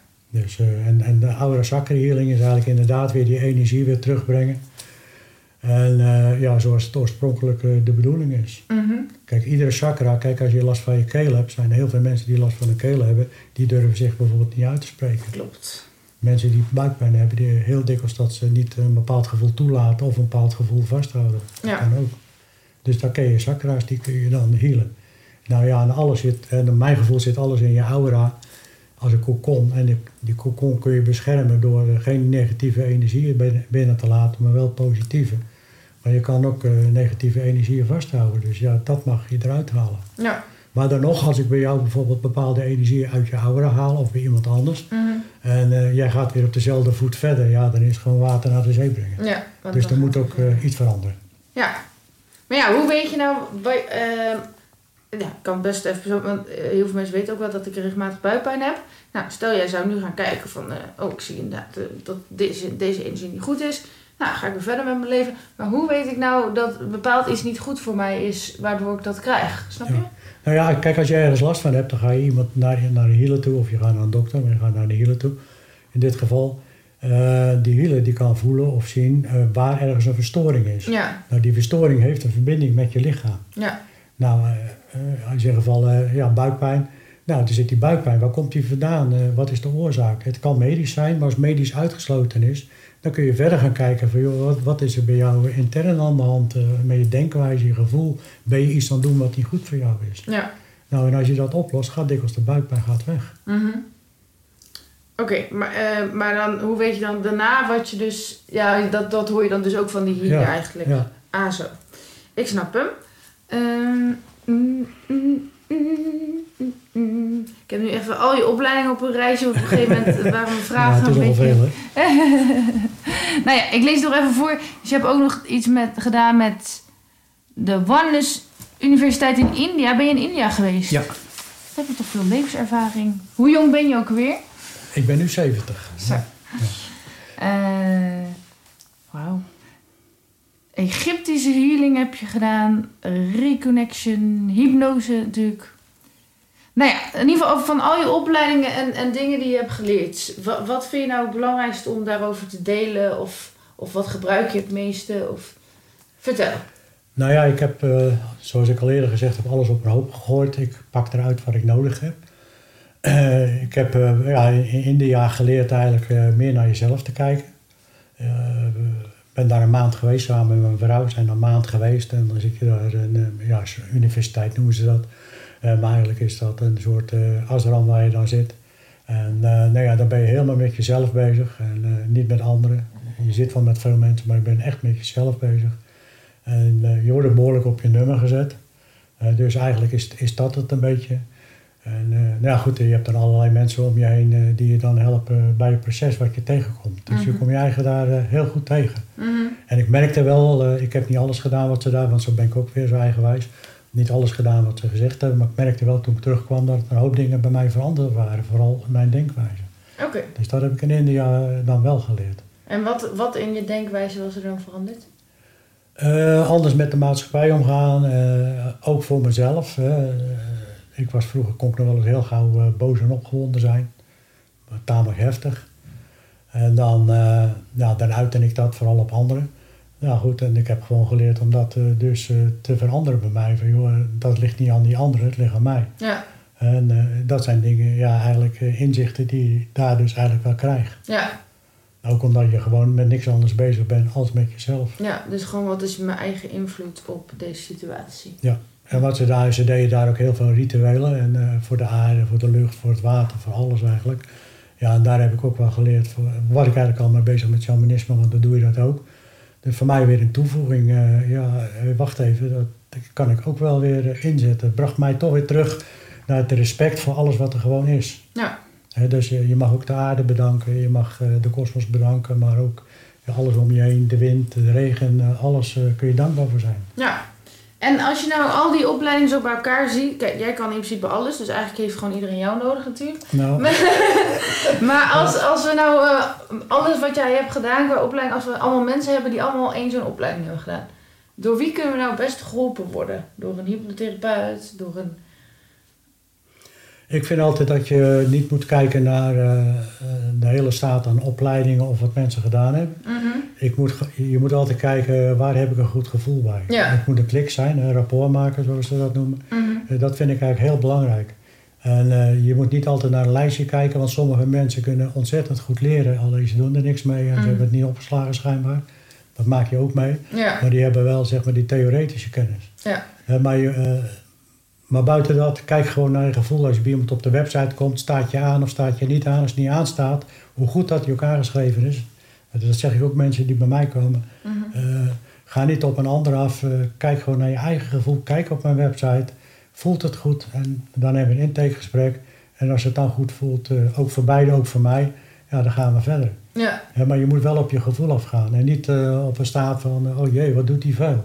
ja. En is dus ook niet van ehm, dat eh, hypnose beter werkt dan reiki, ik roep maar iets. Nou ja, dat vind ik niet. Ik vind wel als je die combinatie hebt met allerlei tools die je geleerd hebt, eh, dat zet je in. Ja, Maar sommige tools die ik geleerd heb, die toen heel heftig waren voor mij eigenlijk, die zet ik niet in bij anderen. nee. Ik, ik kijk gewoon naar de persoon zelf. Maar, maar ik denk die opleidingen die ik allemaal gedaan heb en wat ik gedaan heb, is gewoon voor mezelf om terug te komen weer bij mijn stuk. Ja, van mijn lessen, mijn aarde. Nou, en die gebruik ik inderdaad weer ook weer om anderen te helpen. ja. Nee, ik merk dat ook wel van, ik leer steeds meer over spirituele stromingen en Ja. mensen en dingen. En uiteindelijk zie je er echt wel een soort eenheid, overlapping in van dat het allemaal Ja. over hetzelfde gaat. Alleen het zijn andere manieren, andere Ja. invalshoeken om ernaar te kijken en Ja. te gebruiken. Zeg. En maar sommigen praten over goed en slecht, van eh, die is wel goed en die is slecht, maar dat, dat vind ik niet. Ik vind gewoon, je komt op een bepaald moment bij iemand terecht en soms eh, gebeuren de dingen die voor jou niet goed zijn, dus je had beter naar een ander kunnen gaan. Maar ook daar kun je weer zeggen, hey, wacht even, ik ben niet op mijn gevoel afgegaan, dus ik moet volgende keer beter doen. Ja. Dus alles is voor mij goed. Ehm, je zei al dat je eigenlijk niet zoveel hebt met, met, met God, zeg maar. Maar als je nou jouw geloof zou moeten samenvatten, waar geloof je dan in? Ik geloof gewoon in de mensen zelf en eh, als wij allemaal doen wat gewoon goed is en ons gevoel volgen, eh, ja, dat het best wel goed komt. Eh, daar, daar, ja, daar heb ik een gevoel bij. Ik heb eigenlijk meer het bo- boeddhistische eigenlijk. Van, eh, je doet je best op deze aarde, zo goed mogelijk. Maar het lukt niet altijd. Ik ben ook niet altijd eerlijk en ik doe ook verkeerde dingen. Maar je doet wel je best om het goed te doen. Ja. En dat is eigenlijk volgens mij meer het goddelijke. Ik denk ook niet dat er een God is die verwacht dat wij perfect zijn. Nee. Maar wel dat we leren. Ja. En dat is eigenlijk meer, ja, voor mij het goddelijke. En ehm, ja, voor wat voor levensmotto sta jij nou eigenlijk? Waar, waar sta jij voor? Levensmotto. Nou, niet per se motto. Ik weet niet. Ik heb hier staan, waar sta jij voor? Maar nu vind ik het eigenlijk een hele vage vraag. nou, gewoon van, eh, mis- misschien zie je jezelf als boeddhist. Of misschien zie je jezelf als... Nee, ik zie me eigenlijk eh, meer als mens. Eh, ik zeg al, ik heb wel wat meer met eh, boeddhisme als met... eh, hoewel ik geen boeddhist ben. Hè. Mhm. Ik had wel een oma die zo was. Maar ik eh, ben zelf geen boeddhist, maar wel de boeddhistische ingeving. Maar ik vind eigenlijk een samenvatting van alles wat je in je leven meemaakt. Dus ik vind eigenlijk, je moet, ik ben voor vrijheid. Ja, je moet dat doen wat goed voelt, niet wat een ander vindt dat je moet doen. En ja, dat je dan de les die je hier op aarde te doen hebt, gewoon leeft. Ja. En ik denk dat er dan ergens een god of wie dan ook is die zegt van nou Jochie, je hebt het goed gedaan. Eh, maar dat is eh, ja, mijn mening, mijn motto is eigenlijk van joh, eh, ben in alles wat je doet jezelf. Ja. En ga niet doen wat een ander van je wil. Nee. Kijk, sommige dingen moeten wij gewoon. We leven in een maatschappij dat je dingen moet. Mhm. Bij rood licht moet ik stoppen. Is ook alles handig. Ja. Maar ja, je moet wel op je eigen gevoel afgaan. En niet anderen zeggen, je moet dat doen, want dat is goed voor jou. Maar je kan bijvoorbeeld ook heel erg eh, dingen allemaal voor jezelf doen. Maar stel dat iedereen dat zou doen, dan worden bijvoorbeeld de zieken niet geholpen. Ik roep maar iets. Eh, dus wanneer moet je vooral doen wat voor jezelf goed is? En wanneer moet je onvoorwaardelijk geven aan mensen die je hulp nodig hebben? Nou ja, als ik wat heb, ga ik ook naar een dokter. Dat is logisch. Ja, Eh, dus die dokter die hebben we nodig. Maar er zijn gewoon mensen die het gevoel hebben dat ze daar moeten gaan werken of als arts moeten studeren. Dus Ja. die zijn ook goed. En een ander gaat weer naar een healer. En alles kan gewoon goed zijn. Alleen je moet je eigenlijk niet vasthouden op alleen een arts of alleen een healer of wat dan ook. Je moet gewoon kijken wat op dat moment goed is. ja, En het is ook met eh, allerlei lessen die je leert of allerlei opleidingen die je doet en allerlei stromingen op de aarde. Eh, iedereen eh, die zegt dat hij het beste doet en dat zal best, daar geloof ik ook wel in. Alleen die doet het beste uit zijn inzicht. ja. En het hoeft niet voor jou goed te zijn. Ehm, ja, soms vind ik zelf dat ik dan dus te weinig naar andere mensen omzie, maar dat slaat eigenlijk nergens op. Oké. eh, dus na de dood gaan we, word je, kom je eerst dus in een rustgebied en dan word je gereïncarneerd. En is er een einde daaraan? Is er ook een... eh, Ja, ik geloof wel dat er een einde is aan de, aan de reïncarnatie. Dat je op een gegeven moment zover bent. En eh, er zijn voorbeelden. De ene gelooft er wel en de andere niet. Maar mhm. de- je hebt bijvoorbeeld meesters, eh, opgestegen meesters zoals ze dat dan noemen. Ja, Eh, ja, die zijn klaar op de aarde, maar die helpen wel weer de mensen op de aarde om hun weer eh, terug te brengen in hun oorsprong. Dus ik heb een idee, ja, misschien ga je dat wel doen daarna, of gidsen, of wat dan ook. ja, Dus, hoewel ik af en toe ook wel het idee heb dat je alles zelf bent. je gidsen, je meesters, dat alles gewoon in je zit. mhm. Dus dat is heel ingewikkeld. ja. Ja, maar als alles één is, dan, dan ben ik ook Ja. jou. Dus Ja. ja. Ja, ik ben de andere jij. Ja. Hoe eh, wil jij herinnerd worden als je bent overleden? Ja, ik heb eigenlijk niet zo graag dat ik op een voetstuk sta, maar ik zou wel graag herinnerd worden als iemand die toch eh, zijn best gedaan heeft voor zichzelf en voor anderen om wat voor de maatschappij te betekenen. Ja. En dat is eigenlijk eh, ja, mijn boodschap die ik eh, naar de aarde wil brengen. Eh, maar ook voor de aarde. Ik heb ook respect voor de aarde. En eh, ja, dat, dat is eigenlijk de boodschap die ik over wil, over wil brengen. ja. Dus dat je voor zoveel mogelijk mensen iets hebt betekend. Daar zoveel mogelijk mensen betekenen. En ik moet ook leven, ik moet er ook geld voor vragen. Dat is logisch. Maar ja, mijn, ja, mijn idee daarbij is wel dat ik dit doe om mensen te helpen. Ja, Want ik kan op andere manieren kan ik veel meer geld verdienen dan wat ik nu doe. ja, Alleen dat is mijn passie niet meer. Mijn passie is gewoon inderdaad eh, mensen te helpen en ook qua opleidingen.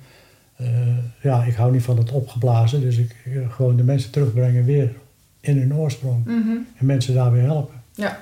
Dat vind ik mooi. En ehm, ik kan me niet voorstellen dat het, dat het zo is, want je hebt al heel veel mensen geholpen.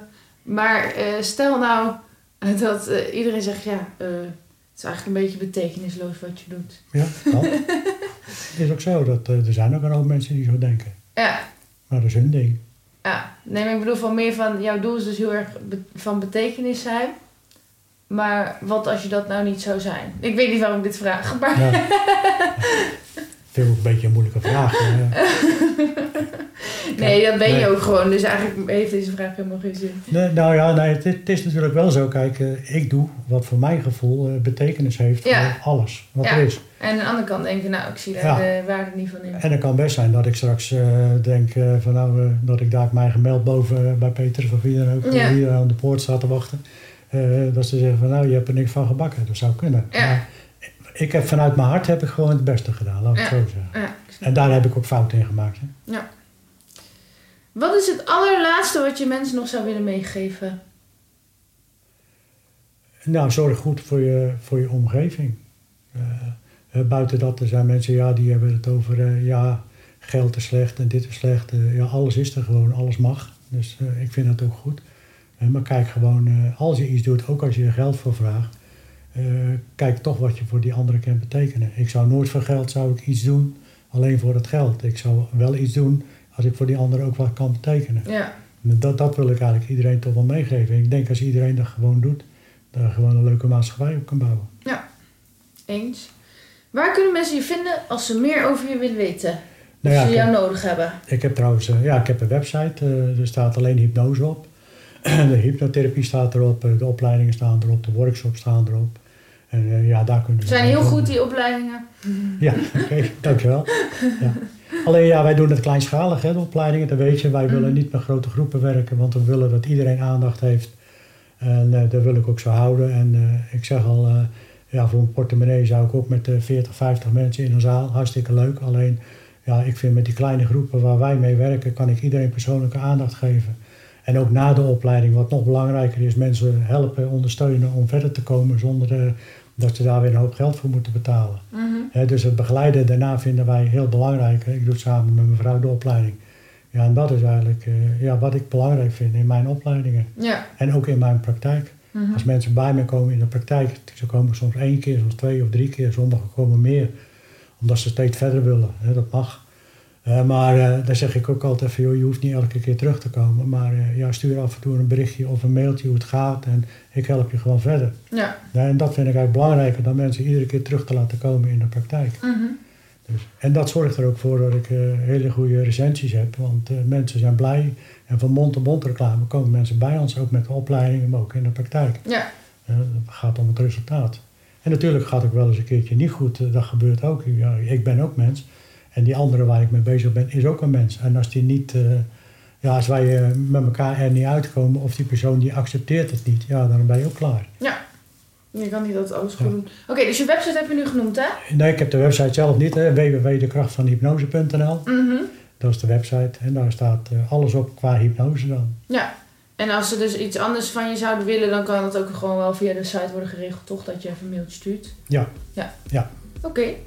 Nou, ik vond het een super interessant gesprek. Ik hoop jij ook. Ja, oké, dankjewel. Heel leuk dat... eh, we hebben er lang over gedaan, maar eh, het is toch een keer gelukt. Yes. Oké, bedankt. Ja, in ieder geval bedankt. Oké.